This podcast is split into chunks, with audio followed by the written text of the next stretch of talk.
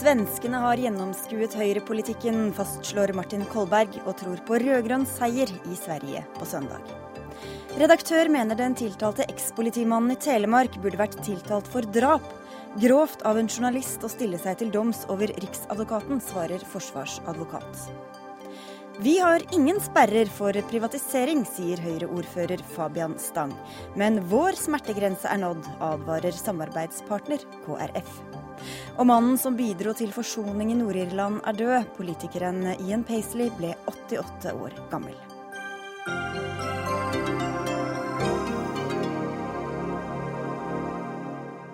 Dette er ukas siste Dagsnytt 18 på NRK P2 og NRK2, hvor vi også skal snakke om ebolautbruddet som Verdens helseorganisasjon nå sier er ute av kontroll. Mitt navn er Sigrid Solund. Om to dager velger svenskene hvem de vil ha til å styre landet de neste årene. Valgkampen er blitt mer spennende de siste dagene, ettersom venstresidas forsprang har skrumpet inn. Men du har fortsatt tro på seier, Martin Kolberg. Du er parlamentarisk nestleder i Arbeiderpartiet og skal også til Sverige på valgvake. Ja, eh, det skal jeg absolutt. Det blir veldig spennende. Eh, jeg tror absolutt på seier. Det ligger an til det hele tiden. og eh, alle de som har forstand på hvordan en valgkamp utvikler seg i de vestlige samfunn, så blir det veldig jevnt til slutt. Men det ser ut som vi har et eh, rimelig overtak, og at det er grunn til optimisme. Er det håp i hengende snøre for den borgerlige alliansen, Stefan Egelund fra Sverige? Du skal også til Sverige på valgvake? Ja, det er håp. Det er det. Jeg tror nok det er mest sannsynlig at rød-grønn side vinner. For de har jo ledet på målingene hele tiden. Men det som jeg syns er så utrolig interessant med denne valgkampen, er jo at den er blitt så mye mer spennende enn det noen hadde spådd på forhånd. De borgerlige har mer enn halvert eh, gapet mellom blokkene. Eh, og Det syns jeg er veldig interessant. Så jeg tror det blir en rysare på valgnatten. Vi skal uh, få inn Sverige her også, og deg Per Anders Iren, du er reporter i Ekot i Sveriges Radio. Og du har fulgt valgkampen tett. Nå sitter du og forbereder deg til den store partilederdebatten som skal være i kveld. Og bare timer før den har dere altså nå kommet med en avsløring om Sverigedemokratenes leder Jimmy Åkesson. Ja, det stemmer det. Og det var en time siden som Ekot hadde et innslag om at han er eller verkar være spelmissbrukare. Och Tydligen har han og sambon spelat for en halv miljon på nätkasinon bare i år. Men om vi skal återgå til politik som det ju skal være her, så vad det betyder politisk, det er vel det är svårt å si, men en fördel er det jo ikke. Jeg mm. tror ikke at SDs övertygade väljare bryr seg så mye, men det er noe annet som står og överväger å legge en SD-røst og ikke gjort det tidligere, kanskje påvirkes. Hva annet preger valgkampen nå to dager før valget? Ja, altså det, det har jo vært veldig mye en fråga om regjeringsmakten. Og uh, det er jo, sakfrågorna har jo ikke vært så store i denne här. Och nu så känns det nästan som om det kommer en opinionsmätning i timmen eller målningar som väl ni säger på, på norsk. Och som mm. ni hade uppe innan där så har det ju skett stora förändringar. De rød-grønne ledde jo med 8, 10, 11 procent stabilt lenge, og nå så er det nere på en halvering. Och, uh, ska, alltså, men det er ikke troligt at den borgerlige fyrpartialliansen skulle plocka inn og gå forbi, for da har man gjort noe historisk som aldri har hänt förut i svensk politikk. I, Men hva som, ja. Ja, vad som präglar valrörelsen, alltså det är ju regeringsfrågan. Mak makten har det handlat om, alltså framför allt. I studio er også NRKs egen politiske kommentator Magnus Takvam. Hvorfor skaper dette styringsspørsmålet så mye bruduljer? Det er jo eh, bl.a. fordi eh, den borgerlige alliansen og Fredrik Reinfeldt har interesse av å få, eh, få, dette fram. Fordi de stiller jo som regjering eh, fire partier og har et eh, program og, og, kan svare mer i detalj på hva de vil gjøre i neste periode. Mens de da utnytter selvfølgelig det faktum at på den rød-grønne siden så er, det, er, ikke regjeringsgrunnlaget klart. Så det er det ene, den ene grunnen. Og den andre er jo også at det er jo et faktum at eh, det ligger an til en veldig komplisert parlamentarisk situasjon selv, altså når, når eh, Stefan Löfven og sosialdemokratene ser ut til å vinne. eh, av ulike grunner. Bl.a. dette at Sverigedemokraterna liksom er eh, på, på, vippen og, og, gjør det lite sannsynlig med at det, det en, en, kommer til å bli en flertallsregjering. Så, så det, er ikke, det, er ikke, så merkelig at dette kommer, kommer i sentrum. Mm. Ren, lyden er litt fjern på deg, men må høre med deg. Er det uaktuelt eh, at Venstrepartiet, som er sånn tilsvarende ca. norske SV, får bli med i regjeringa? Ren? Ja. ja. ja. Ja. Nej, men alltså, först kan man väl säga att erfarenheterna från förra valet 2010 då den dåvarande socialdemokratiska partiledaren Mona Sahlin ville ha ett samarbete med Miljöpartiet men hon fick också plocka med eh, Vänsterpartiet i det samarbetet och det gick inget bra i det valet. Ska vi titta på det nu, den frågan nu, så är det väl lite svårt att säga för det som det påpekades här kan vi ju få ett väldigt besvärligt parlamentariskt läge. Ska, man ska väl inte gå in för mycket på det för det blir väldigt komplicerat men, men om inte Socialdemokraterna och Miljöpartisterna blir tillräckligt stora så måste de ju på något sätt samarbeta med Vänsterpartiet. Och då har ju Vänsterpartiet ett väldigt bra läge om man går in i någon sorts samarbetsförhandlingar eller regeringsförhandlingar eller möjlig, möjligen att till och med sitta i en regering. Men sen är det ju också Vänsterpartiets hårda krav på att ta bort alla vinster i välfärdsföretagen och där vet vi inte var kompromissmånen ligger men det står de ju ensamma. Hva har vært eh, statsminister Reinfeldts strategi for å forsøke å bli eh, sittende? Ja, det er regjeringsspørsmålet. Han tar alle sjanser å påpeke at han og alliansen de har erfarenheten og de har kompetensen. Og de rød-grønne, som det sades her innan, har inget gemensamt program. Det påpeker han også. Og liksom den andre siden at Sverige ekonomiskt går bra efter åtte år med alliansen. Och uh, Og med de rød-grønne så blir det et bidragssamhälle igjen, om vi skal tro vår statsminister. Mm. Tusen takk skal du ha, Per Anders Rehn eh, fra Ekot, for at du var med på en eh, litt eh, halvdårlig linje. Men skal vi tilbake til eh, i studio her også. Du blir med videre også, Magnus Takvam. Stefan Heggelund, Reinfeldt beskylder venstresida for å ikke ha avklart eh, regjeringsspørsmålet, og disse advarslene mot kaos vekker kanskje minner også? Det vekker definitivt minner, men jeg syns jo situasjonen i Sverige man har eh, der nå ved valget, er litt annerledes enn den vi hadde ved valget i fjor, hvor vi ble beskyldt for kaos. Eh, fordi at da hadde vi faktisk det største partiet på borgerlig side, som sa at vi kan sitte i regjering med alle de andre borgerlige partiene.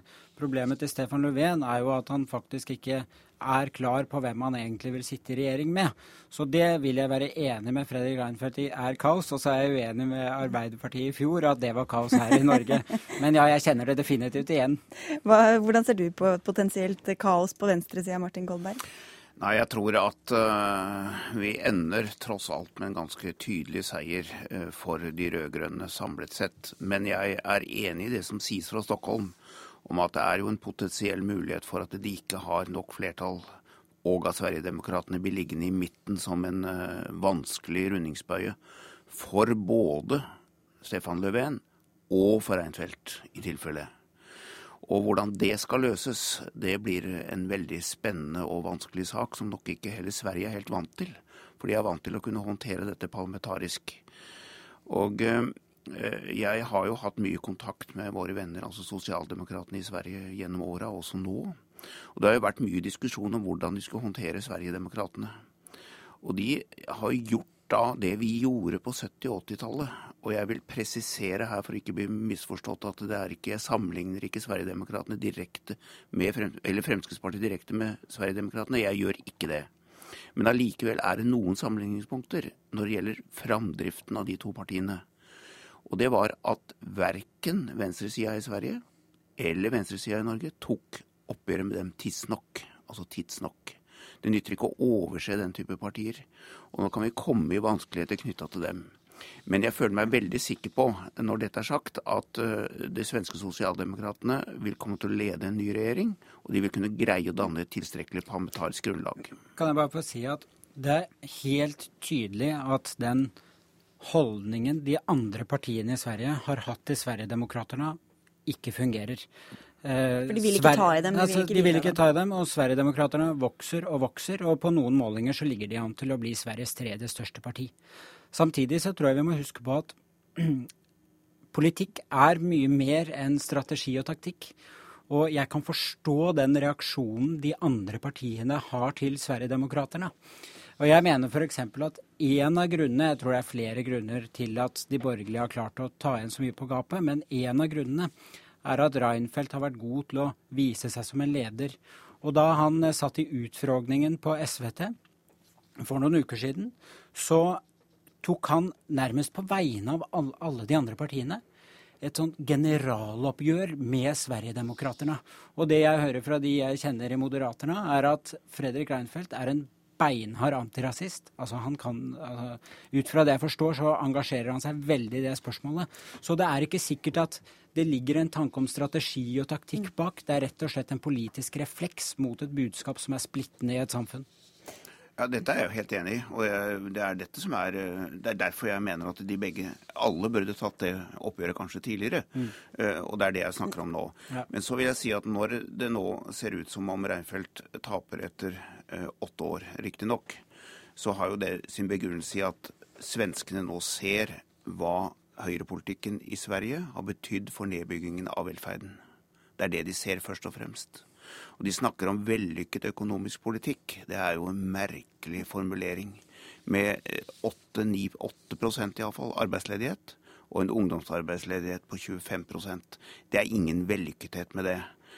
Og skattelettelsespolitikken, som har underfinansiert velferdsorganiseringen, det slår nå ut på skole, på vården og i sykehusene. Og Sverige faller tilbake. De var jo Nordens absolutte motor, og faller tilbake pga. høyrepolitikk. Og jeg bare sier, skal ikke starte den debatten, men det er saklig, det er saklig programleder å si det. Det er noe av de samme sporene som vår høyreregjering forsøker å sette her. De er i begynnelsen, og får de lov til å, å, å drive på. Ja, for vi skal så, ikke inn i den debatten. Nei, bortsett fra at det er relevant å si det. Nei, det er ikke det. Men, jo, men det, er, det, som, det, er det. som, det som, uh, altså, som er feil med det Martin Kolberg sier, er at alliansen har stor troverdighet på f.eks. arbeidsplasser. Og Det er et konflikttema i den svenske politiske debatten og det de kaller for jobben. Eh, men det gjør ikke alliansen noe. De vil snakke om det. Og de har også stor troverdighet på det spørsmålet. Men nå forlot dere egentlig, for jeg skulle stille Magnus Takvam også et spørsmål, for nå blir Sverige og Norge litt sammenlignet. Eh, og f.eks. da i, i innvandrings- og asyldebatten som vi var inne på litt tidligere. Hvor store forskjeller ser du der mellom de to landene? Ja, Det er veldig stor forskjell. Og som dere var inne på, så er jo Reinfeldt eh, stolt av det når han sier at Sverige har kanskje den vestlige verdens mest åpne og liberale asyl- og flyktningepolitikk. Det er liksom et godt poeng for han i en, en svensk partilederdebatt. Mens man jo i Norge, som, som alle vet, så har eh, veldig mange partier, også Arbeiderpartiet, kooptert eller overtatt en god del av eh, den de kritiske punktene som, som et parti som Sverigedemokraterna og Fremskrittspartiet har. Fordi man mener at skal flyktningpolitikken ha legitimitet, så må også integrasjonspolitikken være vellykket og, eh, og, og troverdig. Eh, og det skiller, skiller, Sverige fra både Danmark og Norge på en, på en avgjørende måte. For Fredrik Reinfeldt, som, som leder Moderaterna, han ba i begynnelsen av valgkampen svenskene om å åpne hjertene sine med tanke på den flyktningstrømmen som kom til å komme. Og det er kanskje ikke noe vi ville hørt verken fra Jonas Gahr Støre eller Erna Solberg, eller er dere helt uenige i det, mine herrer? Altså, det er ikke noe tvil om at innvandrer- og flyktningdebatten i Sverige og Norge er helt ulik. Eh, og jeg tror eh, at det handler veldig mye om at selv om Norge og Sverige er ganske like land, så er vi også ganske forskjellige. Det er to ulike politiske tradisjoner. Eh, og spesielt i det spørsmålet. Jeg tror ikke vi ville, vi ville hørt hvert fall den formuleringen fra norsk politiker. Det tror jeg ikke. Nei, det tror ikke jeg heller. Og det er pga. at her er det to forskjellige eh, kulturer, kan du si. Og to forskjellige praksiser og to forskjellige land med to forskjellige tradisjoner. Svenskene har jo alltid egentlig hatt eh, den holdningen som Reinfeldt har gitt uttrykk for, og som også sosialdemokratene gir uttrykk for. Slik at det er, Reinfeldt sa det han sa, det er helt korrekt, og det skal han ha kreditt for. Men sosialdemokratene har jo ment dette helt konsekvent veldig lenge. Hva tror du kan skje, Martin Goldberg, hvis sosialdemokratene vinner, da, som det ligger an til nå? med, med tanke på resten av politiske klimaet i Skandinavia eller Norden? Nei, det betyr veldig mye for nordisk sosialdemokrati. Altså det, er jo, det, det, er jo det svenske sosialdemokratiet som har vært motoren i nordisk sosialdemokrati. Og eh, det at de har tapt to valg, det har jo vært et nederlag for hele nordisk sosialdemokrati. Slik at eh, vinner de og kommer tilbake til regjeringsmakten, så vil det ha betydning for hele Norden. Det er helt åpenbart. Eglund? Ja, det syns kanskje det var noe enkel analyse. Eh, hvis vi skal Altså, det sto på Twitter at vi skulle spå hvem som kom til å vinne, og hva konsekvensene kom til å være. Jeg skal ikke spå så mye. Jeg sier at det er nok mest sannsynlig at de rød-grønne vinner. Jeg håper de borgerlige vinner. De har eh, styrt Sverige veldig bra. 300 000 flere i jobb, f.eks. Uh, og uh, det er en sterk økonomi i Sverige. Så jeg håper de får lov til å fortsette. Og det, hvis jeg skal da svare med samme mynt, så tror jeg det vil være veldig viktig for uh, den nordiske konservative bevegelse og den nordiske konservative vinden. Og du skal gjøre ditt, for du reiser altså for å bidra litt sånn på grasrotnivå i Sverige. Du har en mor fra Skåne. Får vi høre en liten sånn skånsk slagord på tampen her, eller? Ja, ikke slagord. Jeg tror jeg bare må begrense meg til å si at min mor er fra Skåne. det er omtrent det jeg klarer å si på skånsk. Og så kan jeg snakke litt bedre stockholmska, for jeg har familie der òg. Men jeg skal i hvert fall stå på stand, dele ut løpesedler, og heldigvis så får jeg også lov til å være med på den utrolig spennende valgnatten. Det blir kanskje du som får den beste festen, Martin Goldberg? Jeg håper det, og det ligger an til det. Tusen. Men hvis du skal være der, kan ikke vi møtes etter valgresultatet, og så tar vi og har det litt hyggelig etterpå? Vi kan uh, kanskje prøve å få til det, men jeg tror det blir vanskelig. dere møtes her da, i hvert fall. Tusen takk skal dere ha for at dere kom. Ha det bra. Dagsnytt 18 alle hverdager kl 18.00 på NRK P2 og NRK2.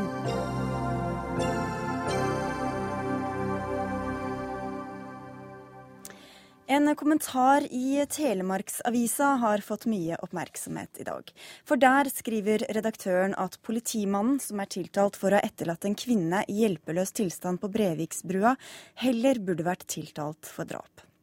Ansvarlig redaktør i Telemarksavisa, Ove Meldingen, hvorfor skrev du denne kommentaren? Jeg skrev den kommentaren for jeg mener at pressens rolle er bl.a. å passe på hva som skjer også Klarer du å sette deg litt nærmere mikrofonen? Skal gjøre så godt jeg kan, du. Mm, flott. Vi er langt unna her i Porsgrunn. Ja, det er mange mil, det. Eh, jeg mener at pressens rolle er bl.a. å ta opp den typen ting. I, Vær varsom-plakaten så står det spesifikt at det er pressens oppgave å beskytte enkeltmennesker og grupper mot overgrep eller forsømmelser fra offentlige myndigheter og institusjoner.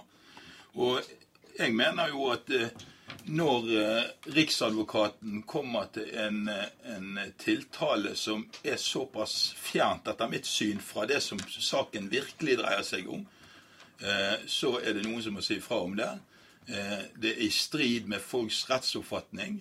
Og jeg, jeg syns det var helt på sin plass å reflektere rundt akkurat det. Men hvorfor tror du at du vurderer dette bedre enn Riksadvokaten? Nei, altså, Det er altså pressens rolle å passe på når eh, maktinstitusjoner foretar seg noe som er såpass alvorlig. Og om jeg vurderer det bedre eller ikke, det kan jo alle stille seg spørsmål om. Men vi i pressen er jo representanter for, for befolkningen. og her i området er det i hvert fall helt klart at det er svært mange som mener at den tiltalen ligger på siden ut av det saken virkelig dreier seg om.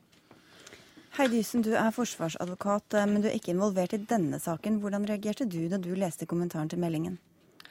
Eh, jeg syns den føyer seg inn i rekken av ubalansert og ensidig dekning fra medias side i denne saken. Eh, helt fra eh, politimannen ble pågrepet, så har han jo vært dømt for drap i mediene. Og det er klart at menneskene, menneskene her i Grenland de blir jo påvirket av det som står i avisene. Og når det da var slik at han ikke ble tiltalt for drap, så er saken blitt dekket som om han var tiltalt for drap. Og det reagerer jeg veldig på. Jeg mener at uh, Det er jo fine ord, det redaktøren her sier om hva som er pressens oppgaver. Men pressens oppgave er også å være seg sitt ansvar bevisst når de videreformidler noe slikt som dette. For det er, et, det er, altså noe som står på trykk i en avis. Og det er klart det har en enorm rekkevidde. Hva mener du den kan føre til? Den har denne i hvert fall ubalanserte og ensidige mediedekningen har ført til at politimannen er jo forhåndsdømt så det suser. Det har han vært fra dag én. Det er ingen i media som har vært villig til, slik jeg ser det, å ta og prøve å ta hans side av saken og se på om det kan medføre riktighet. Jeg må si en annen ting også som jeg reagerer på. Det er at eh, redaktøren da sier at det burde vært tatt ut tiltale på drap etter tre dagers bevisførsel. Eh, det er jo masse mer bevis som kommer. Jeg vet ikke, Den er i hvert fall hele neste uke berammet. Så, så jeg syns jo det er litt useriøst at man mener at han burde vært tiltalt for drap etter tre dager i retten. Ja, hvordan, hvorfor kommer dette nå, meldingen? Det er jo naturlig at det kommer nå eh, i forhold til de nye, nye, tingene som kom frem i retten denne uken. Eh, men saken har jo versert i, siden i fjor. Og Det som er beviselig i denne saken, er jo at denne politimannen, denne tiltalte politimannen systematisk løy om hva som skjedde. Det har han sjøl innrømmet. Bare de forholdene som han sjøl har innrømmet han løy om, er av så alvorlig karakter at mannen ble avskjediget fra jobben sin.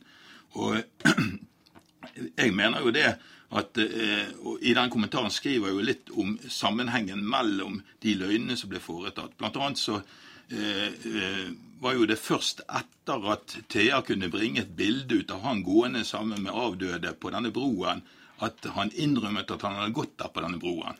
Og, så, så det er mange forhold i denne saken som gjør at eh, jeg mener altså Kjernen i saken er om det er en drapssak eller ikke. Og jeg har aldri forhåndsdømt noe som helst jeg, i avisen vår. Vi presiserer at det er domstolen som eh, skal dømme. Men jeg presiserer òg at eh, tiltalen burde handlet om det som er kjernen i saken, nemlig om eh, eh denne kvinnen ble drept. Isen? Nei, jeg, jeg syns det er feil fokus. Jeg syns det er en ubalansert og ensidig dekning av saken. Jeg syns det er litt rart at ingen kan forstå at hvis du havner i en sånn situasjon og gjør et dumt valg når hun hopper ut, så våkner du dagen etter som politimann og vet at hvis du går og sier fra om dette her, så har du allerede mista jobben din. At du da ikke foretar noen At man ikke kan tenke at et menneske i en slik situasjon kan gjøre en del dumme vurderinger, det syns jeg er rart. Da må man ha levd et utrolig beskyttet liv. Det er det jeg etterlyser i media. At man ikke kan sette seg inn i å prøve å se det fra den andre siden og dekke saken balansert. Sånn som nå. Politimannens forklaring, det er bare vås. Den psykologen hans, nei, det var også bare vås. Altså, Det blir ikke rapportert om engang. Og, og det, er det, det er en ensidig og ubalansert fremstilling av saken i mediene. Jeg, jeg, jeg, bare si det, jeg har aldri sagt at noe, noe av dette er bare vås. Eh, men det som er forholdet her, er jo at eh, de løgnene er av en så alvorlig karakter. Og det er altså en politimann, en som kjenner til denne typen forhold. Eh, det er ikke hvilken som helst annen person. Så, så, det å lyge om disse tingene som han har innrømmet han har løyet om, er så alvorlig at det er ikke rart at folk stiller seg spørsmål Men nå er jo noe tiltalt, da, og det er jo en pågående rettssak. Hvorfor skal dere på en måte kjøre en parallell eh, prosess i eh, Telemarksavisa? Jo, jo for, ja, parallell prosess, det er jo sånn pressen fungerer. Jo, det er det fungerer. som gjøres. Men, men altså, det han er tiltalt for ligger jo svært på siden ut av det som er kjernen. Han er, han er tiltalt for å etterlate denne kvinnen i hjelpeløs tilstand. Men, men, hun er død. Og jeg mener at både de pårørende og de etterlatte eh, har rett til å få en eh, balanse i forhold til dette, som vi kan hjelpe til med. Det er jo ikke sånn at presten skal være mikrofonstativer for de juristene og de advokatene og dommerne som finnes. Vi skal hele tiden forsøke etter beste evne å være et korrektiv til det som foregår i samfunnet. Og I denne saken her mener jeg absolutt at vi bør være det. Ja, skal, hvorfor skal ikke pressen også være kritisk til påtalemyndigheten hvis de mener at Riksadvokaten har gjort noe feil? Liksom? Det må vel komme på dette tidspunktet og ikke etter at en dom eventuelt har falt? Jo, jeg er enig i det. På den annen side så syns jeg vel at pressen, når du snakker om at du ikke skal være talerør for noen, så syns jeg vel pressen ganske ukritisk har vært talerør for de etterlatte her og skjøvet de foran seg for å legitimere sine egne oppslag om denne saken. Eh, en annen ting er jo at både Riksadvokaten og statsadvokaten har hatt alle opplysninger på bordet alt det som kommer frem i retten nå, og det som kom kommer frem senere. Og det vi kanskje ikke vet også, og de har da foretatt denne vurderingen på bakgrunn av de reglene som gjelder i straffesaker. Og jeg mener at journalister, og særlig en redaktør, han vet jo veldig godt hvilke regler som gjelder for bevisdømmelse i straffesaken. Og da har man et ekstra ansvar for hva man formidler videre til mennesker som kanskje ikke tenker så nøye på det da. Men, men, men, dersom Riksadvokaten og statsadvokaten er så ufeilbarlig og uangripelig som du legger opp til, hvorfor er det sånn at svært mange mennesker i dette landet blir frikjent når de burde vært dømt. Og hvorfor er det sånn at mange blir dømt når de burde vært frikjent? Det er jo klart at det er behov for et korrektiv.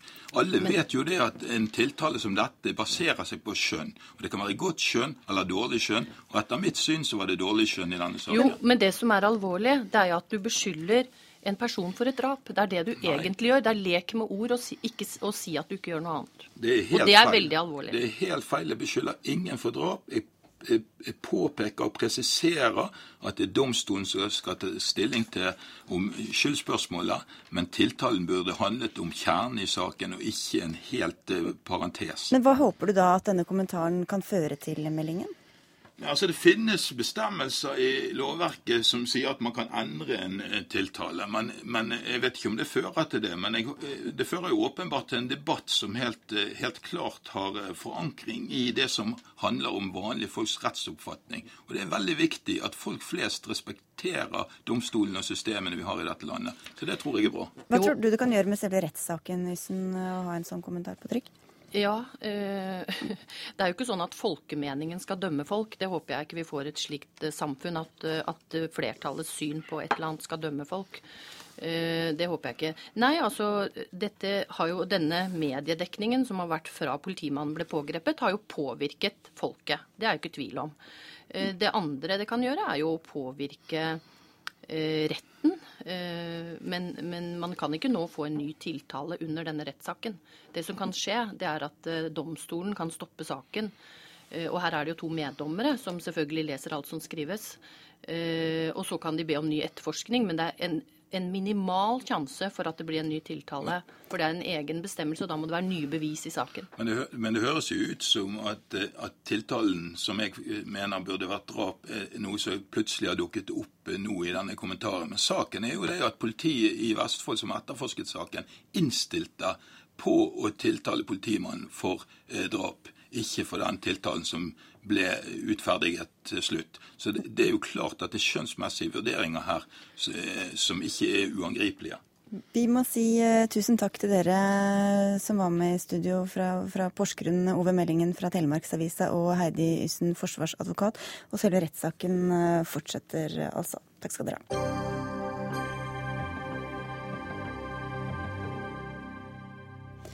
Den frittalende og profilerte nordirske politikeren Ian Paisley døde i dag, 88 år gammel.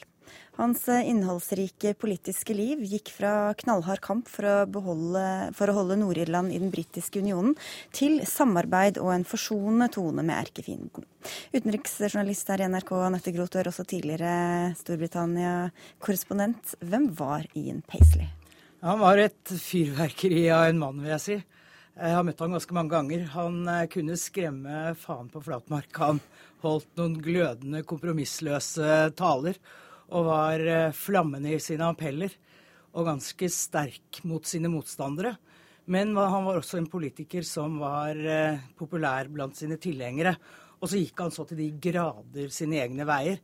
Han var en politiker som holdt flammende taler, men han var også en predikant som holdt flammende taler. Predikantsønn? Og predikantsønn. Men det var jo sånn at han, eh, han var ikke fornøyd med de protestantiske, unionistiske partiene som var i Nord-Irland, så han startet sitt eget, da, som eh, jo fremdeles eksisterer og er det største protestantiske partiet i Nord-Irland. Og han var heller ikke fornøyd med den presbyterianske menigheten han var medlem av. Så derfor så startet han liksom godt sin egen da også, så man kan trygt si at han var en mann som gikk sine egne veier. I møte med katolikkene som eh, ville bryte, bryte, ut av eh, unionen med Storbritannia, var han kompromissløs, eh, som du sier, og han gikk under kallenavnet Dr. No.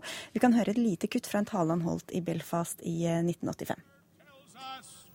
That that republic must have some say in our province. We say never, never, never, never. Det var kjent stil av dette, Kross. Det var det. Jeg husker, jeg husker, jeg har vært på flere sånne møter hvor han skriker og hyler og er ganske hatefull også til tider. Og han har jo en veldig spesiell eh, stil. Men hvordan virket det på folk, da? På velgerne? Det, litt, det, kom litt an på hvem du snakket med. Det er klart at uh, Motstanderne han så på ham som en skinnhellig fyr som, uh, som overhodet ikke inngikk kompromisser, og som ville uh, hindre at det store katolske mindretallet i Nord-Irland skulle få innflyt, innflytelse i det hele tatt. Mens tilhengerne hans de så jo på ham som en stor frelser og en ihuga forsvarer av unionen med, med resten av Storbritannia. Og han var, jeg har jo sett debatten i, sammen med sine, både sine sognebarn og sine velgere i valgkretsen der hvor han bodde. Og han var jo nærmest som en slags far og bestefar. Han visste om noen hadde mistet moren sin, om barna hadde hatt kusma, sånne ting. Så han var blant sine velgere så var han en elsket mann og hadde et helt annet image enn det du nå hørte fra talerstolen. Men Du sier han var kompromissløs, men han, kom det litt flere kompromisser etter hvert utover i karrieren? Ja, det var jo det var ganske spesielt. Det ble jo en fredsavtale i Nord-Irland i 1998 som Paisley som den eneste selvfølgelig var imot. Han ville jo ikke ha den freden. Men så ble det demokratisk valg, og da skjedde jo det at uh, hans parti ble det største på protestantisk side. Dermed ble han førsteminister i en samlingsregjering. Og det var, det var jo helt fantastisk, for der fungerte han som en samarbeidets mann.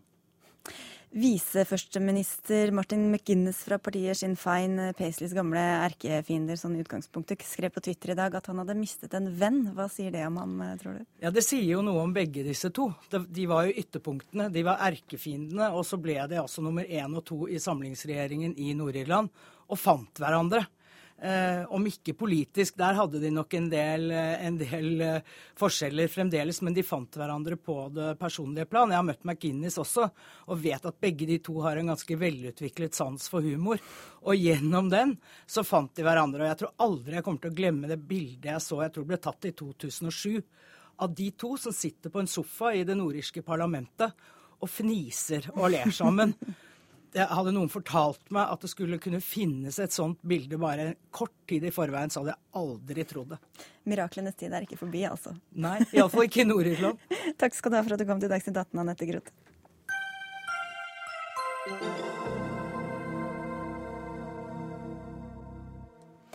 Hva og hvor mye av velferden bør privatiseres? Det er det strid om mellom de borgerlige samarbeidspartiene som styrer Oslo.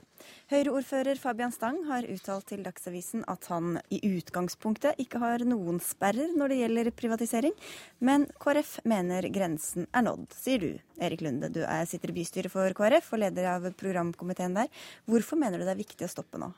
Altså, KrF har pragmatisk, en pragmatisk holdning til konkurranseutsetting. Eh, vi er først og fremst opptatt av tjenestene til folk, eh, og det som kan gjøre at tjenestene blir bedre. Eh, men så har vi pekt på to områder hvor vi mener det nå er naturlig med en pause. Det første er sykehjem. Når denne perioden er over, så er 60% av Oslos sykehjem drevet av private eller ideelle aktører. Eh, hvis kommunen fortsatt skal være en proff aktør på sykehjem, så trenger vi å beholde de 20 eh, sykehjemmene vi har i, i kommunal regi. Og så har vi pekt på barnehager. Eh, I barnehagesektoren er det jo mange private aktører som gjør en fantastisk jobb, og brukerne av barnehagen er veldig godt fornøyd med de private. Men det forsøket som Frp fikk gjennomslag for i fjor, med å selge og konkurranseutsette noen barnehager. Eh, det mener vi er en dårlig måte å skape mangfold og kvalitet i Oslos barnehagetilbud på. Oslo-barnehagen er utrolig viktig hvis vi skal skape eh, Vi skal lære eh, barn norsk språk eh, og gi alle barn like muligheter i denne byen. Og da er det vi aller minst trenger, er uro rundt konkurranseutsetting og salg. Nå snakker vi om Oslo, men dette gjelder jo sikkert mange andre byer også. Og ja. også på nasjonalt plan, kan vi vel nevne. Men da sa også Fabian Stang at han ikke har sperrer sånn i utgangspunktet for privatisering. Hva syntes du om de uttalelsene? Ja, nå opplever jeg kanskje at uh, Fabian Stang uh, har et mer nyansert syn på dette enn det som uh, oppslaget i Dagsavisen kunne gi inntrykk av. Vi skal høre om det snart. jeg tror både Fabian Stang og jeg har noen sperrer når det gjelder konkurranseutsetting. Vi får høre med deg da, Fabian Stang, hvor sperrene finnes, om de er der. Ja, Det som, eh, som er mitt poeng, er at eh, jeg har ikke noe sperrer i forhold til hvilke områder vi kan ha privat tjeneste i, eh, som supplement til eh, den kommunale og de ideelle. Men så har vi jo selvfølgelig noen, eh, noen kommunale virksomheter eller offentlige virksomheter som ikke kan privatiseres, sånn som plan- og bygningsetaten eller brannvesenet eller den type ting. Eller kemneren, for den saks skyld. Det vil jo bli pussig. Men vi har jo, Dette er jo en, en, en, kamp som de borgerlige har kjempet fra skanse til skanse i forhold til sosialistene, hvor vi sier det at det ideelle det er hvis vi f.eks. I, i sykehjemmene eller barnehagene har noe kommunal virksomhet, noe ideell virksomhet og noe privat virksomhet. Da får vi et samspill hvor det kommunale systemet med våre flinke folk blir inspirert av de private eller de ideelle, samtidig som de private ikke får et omvendt monopol fordi vi har en korreksjon gjennom det kommunale.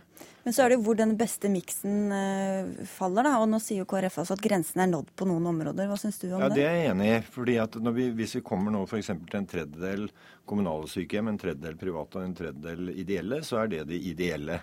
Eh, men, men, vi har hatt veldig mye kamp på forskjellige områder. For innen park beplantning og den type ting, så, så møter vi liksom sosialistene hver gang vi sier at det området det er helt umulig å ha privat. Det er ingen sosialist i dette studioet. Nei, eh, Nei da, men vi kjemper jo med dem hele tiden. Men, men, den gode nyheten er at nå virker det som om også Arbeiderpartiet og delvis SV er enig i at det private supplement det stimulerer. Vi har f.eks. hatt på skolebygg. Så har det vært tradisjonen at kommunen bygger alle sammen. Nå får vi de private til å bygge en del av dem, og da lærer kommunen av det, og så blir kommunen bedre. Hvor skiller KrFs syn på privatisering seg fra Høyres, Lunde? Altså, jeg tror nok det går en viss ideologisk, eh, et ideologisk skille mellom Høyres eh, kanskje mer eh, markedsliberalistiske tilnærming til dette spørsmålet og KrFs sosiale markedsøkonomi. Men jeg tror nok det er stor grad av enighet også om at man må ha en balanse. Eh, i dette. Eh, vi mener også at private aktører kan være med å heve kvaliteten eh, i tjenestetilbudet. Ikke minst er vi opptatt av de, at de ideelle aktørene, sånn som Frelsesarmeen, Kirkens Bymisjon, Røde Kors, Folkehjelpa ja, Som sosialistene også vil ha? Da. Jo, men at de også utgjør et utrolig verdifullt supplement i, det, det, store fellesskapssystemet som velferdssamfunnet er. Det, det, mener vi også. Men det er klart at vi er også opptatt av at markedsteknologi markedstenkinga har noen grenser. Eh, det er ikke alle områder hvor eh, markedstenkning passer like godt. Eh, og fra KrFs side så har det jo alltid vært sånn at vi eh, nok tenker at de myke tjenestene, altså eldreomsorg, eh, barnehager, eh, skole, egner seg mindre godt for konkurransesetting enn en mer harde, harde tjenester. Ja, det har jo vært mye bråk bl.a. om barnehager i Oslo. Er det noe av det dere har gjort som dere skulle sett ugjort? Altså, Eh, jeg kan ærlig innrømme at eh, det forsøket som eh, Frp fikk gjennomslag for, det var ikke noe KrF kjempa spesielt sterkt for. Jeg, å selge kommunale barnehager? Ja, det har vært et forsøk med å selge og konkurranseutsette noen barnehager i Oslo. Og det har skapt mye uro blant foreldrene. Og det mener jeg det, det er noe av det vi minst av alt trenger i en situasjon hvor vi må satse på Oslo-barnehagen for å bidra til at alle barn eh, som kommer eh, inn i skolen, kan eh, snakke godt norsk, og ikke minst å gi alle barn like muligheter. Hvor fornøyd er du med den delen av privatiseringen, Fabian? La meg svare sånn at når vi skal ha deler av virksomheten vår drevet av de private, så bør det i utgangspunktet skje der hvor vi starter noe nytt. Men samtidig så er Så du var ikke helt fornøyd du heller da med det? Nei, jeg kan ikke si så mye om det. Men, men, men, men, det jeg kan si som et ganske godt eksempel, det er at eh, når vi har kommunale sykehjem som ikke fungerer, så, altså hvor det er et eller annet som gjør at det ikke fungerer, så sier vi at la private få prøve det. Og der har vi sett ganske gode resultater. Hvorfor kan dere ikke heller få de kommunale til å fungere bedre, da? Jo, og det, det vi ser er jo eh, at det egentlig ikke spiller så stor rolle om det er private, ideelle eller kommunen som driver. Det vi ser, er at det er ledelse som er det aller viktigste. Så god ledelse er faktisk enda viktigere enn hvem som driver. Er du redd for at eh, Frp og Høyre sammen kommer til å drive det lenger i privatiseringen enn det KrF egentlig ønsker, Lunde? Jeg tror at uh, Høyre, Venstre og KrF i Oslo bystyre kommer til å finne fram til gode løsninger omkring disse spørsmålene. Uh, jeg opplever at Høyre også har et balansert syn på hvilke tjenester som skal ut på anbud og ikke. Jeg opplever kanskje at Frp har en litt dogmatisk uh, ideologisk tilnærming. De er ikke her, de heller, da. Nei, jeg, men, jeg, Det må bare nevnes likevel, fordi, fordi, de er pådriveren i Oslo bystyre for denne politikken. og så har ikke og mener vi, sikkert de har gode grunner til ja, det. Og vi har ingen allergi mot private aktører Eh, i velferdstjenestene. Eh, men vi mener nå at på to områder så bør vi ha en stopp, og det er sykehjem og barnehage. Vi får stoppe der, vi også. Tusen takk skal dere ha, Fabian Stang og Erik Lund. Hør Dagsnytt 18 når du vil. Radio NRK Radio.nrk.no.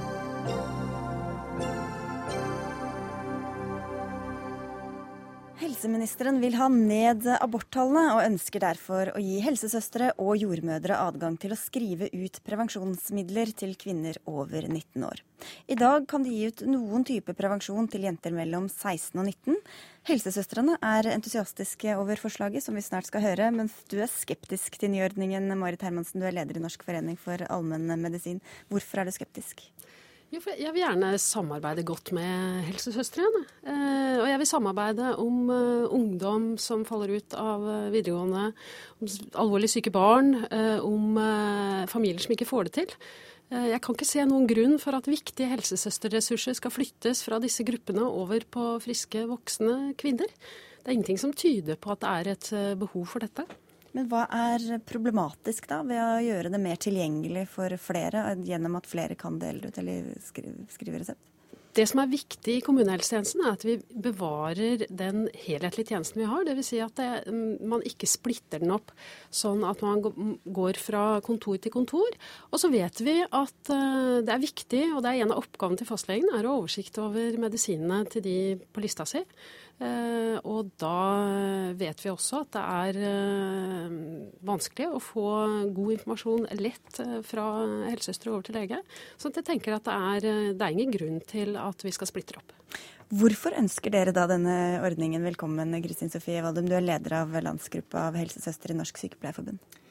Vi syns dette er viktig for kvinnene, det er det aller viktigste. Fordi vi ser et behov. Det er mange kvinner som er på flyttefot. Altså For det første så har vi sett at, eh, at det at vi har kunnet skrive ut p-piller til 16-19-åringer har hatt veldig god effekt på abortstatistikken. Det er jo et viktig mål.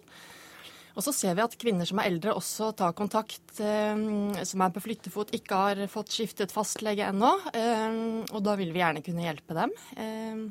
Og vi tenker at dette handler ikke om at det er et eh, oppsplittet tilbud. Vi er jo allerede til stede på helsestasjonene rundt familiene. Så eh, at vi kan eh, gi tilbud om prevensjon til de kvinnene vi møter som trenger det, syns vi er en naturlig følge. Særlig når det har vært så vellykket frem til nå. Men er det ikke noen forskjell på 16-åringer og 30-åringer, og hvordan man klarer å forholde seg til å skaffe seg en fastlege osv.? Det kan du si, og vi oppfordrer og hjelper alle til, å, eh, alle til å finne seg en fastlege. Det er en, en viktig oppgave vi har i, å veilede så alle får seg en fastlege. Men vi ser at særlig kvinner i 20-25-årsalderen, der abortstatistikken er ekstra høy, eh, da er det mye som skjer i livet på en gang. Da er man eh, er man på flyttefot til en ny by. Og som et eksempel så kan jeg nevne at eh, blant studentene på Ås så har vi gjort en eh, litt sånn uformell undersøkelse at 60-70% av studentene der har fastlege et annet sted enn der de bor. Og da er jo ikke det fastlegene tilgjengelig lavterskeltilbud for de kvinnene. Så mm. ja. Og da kommer aborttallene ned, Hermansen. Hvorfor er ikke det, godt? Men det stemmer jo ikke. Eh, er, eh, du kan ikke vise en sammenheng mellom at helsesøstre har fått forskrivningsrett og at aborttallene har gått ned.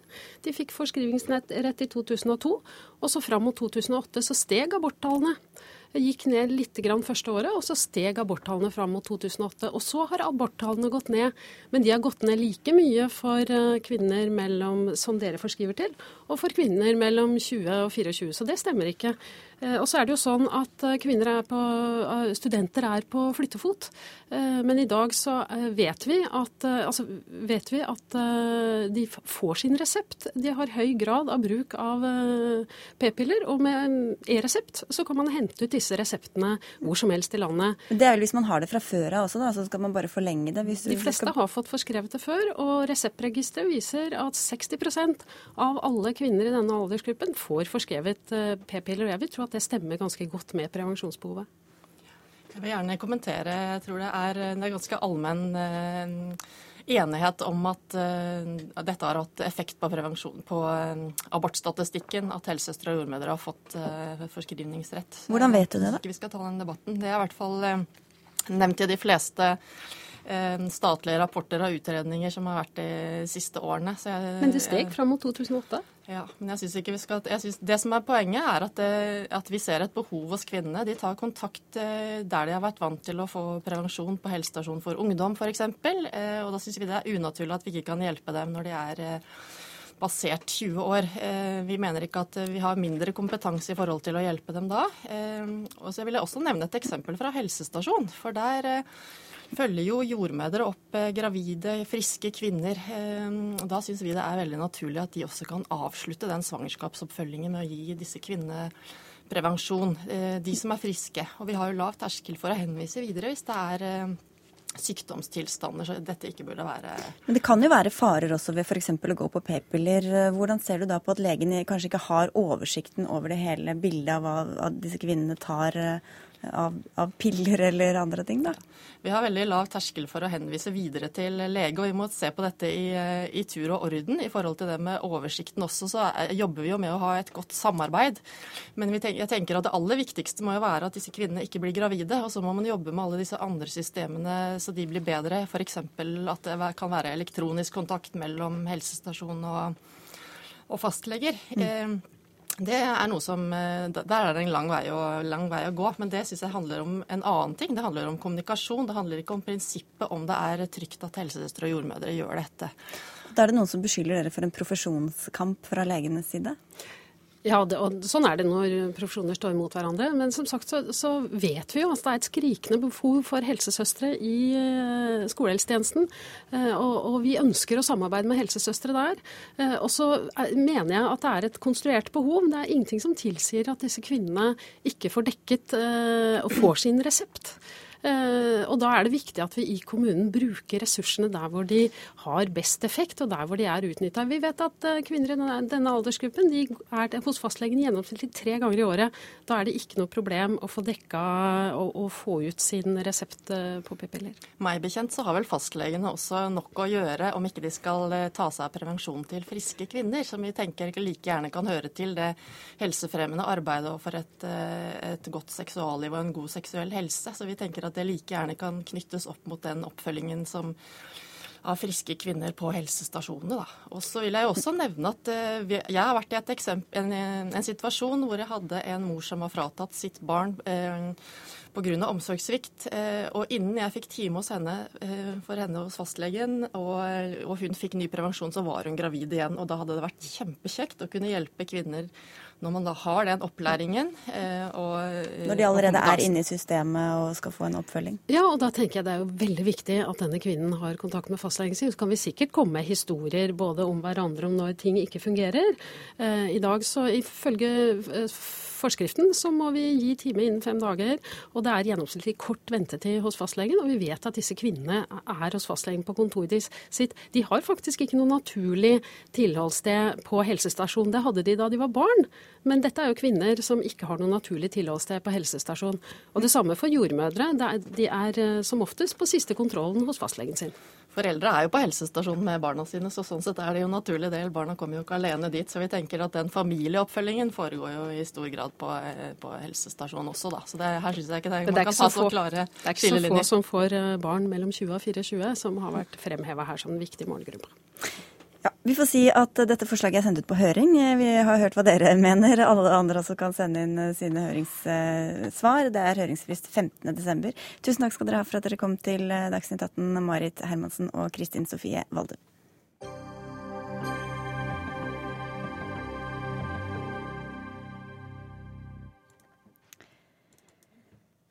Ebolautbruddet som herjer i deler av Vest-Afrika er ute av kontroll, mener Verdens helseorganisasjon. For hver dag blir nye pasienter smittet, flere enn helsepersonellet klarer å behandle. Siden utbruddet startet i mars har 2400 mennesker dødd, og smitten skjer raskere enn det WHO kunne forutse. Trude Arnesen, du er overlege, ved avdeling for eh, infeksjonsovervåking i Folkehelseinstituttet. Verden er i ferd med å tape mot viruset, sier WHO. Hva er det som gjør at smitten nå sprer seg raskere enn det man hadde trodd? Vi behøver ikke å tape den kampen. Det gjør vi sannsynligvis heller ikke. Eh, og ebolautbrudd har vært stanset mange ganger før. Og det er ikke noe nytt ved viruset. Det er eh, situasjonen i de landene som er annerledes.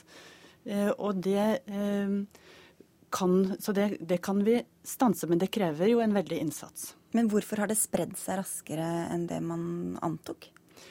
Det vi får beskrevet, er jo et, eh, at helsevesenet overhodet ikke fungerer.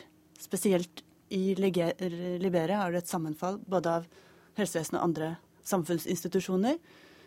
Og at man ikke altså har fått brutt den smittekjeden. Hvordan er det det smitter igjen?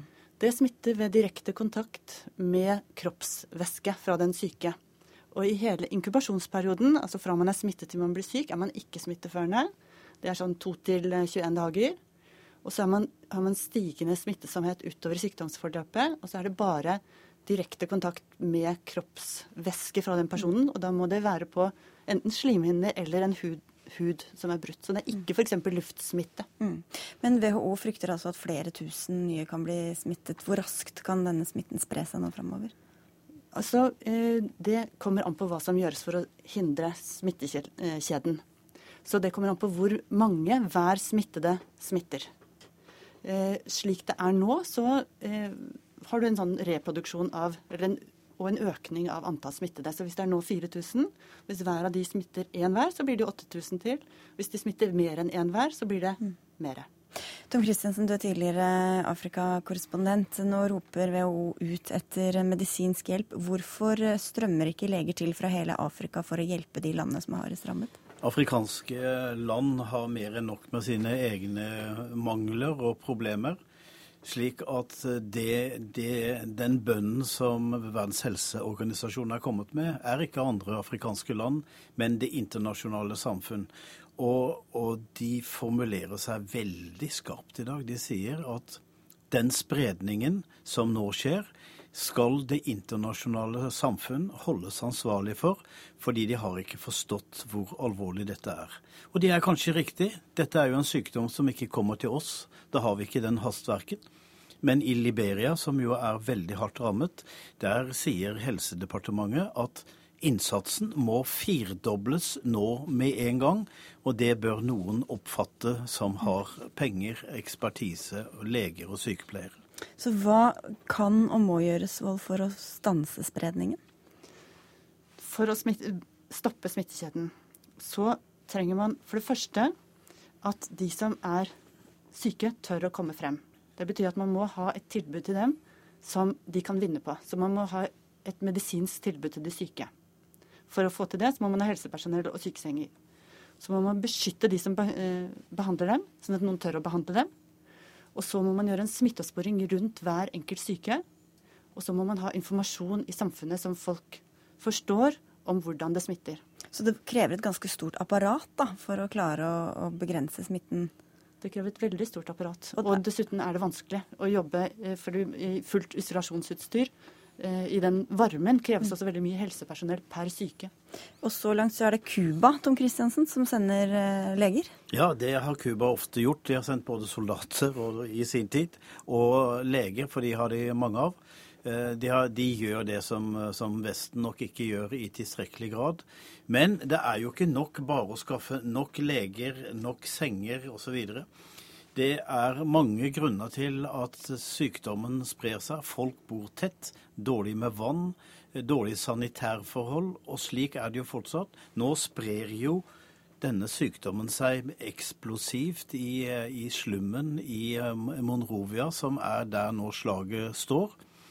Og de som ikke blir lagt inn på sykehus eller får behandling, de slippes da ut i områder hvor det bor masse mennesker.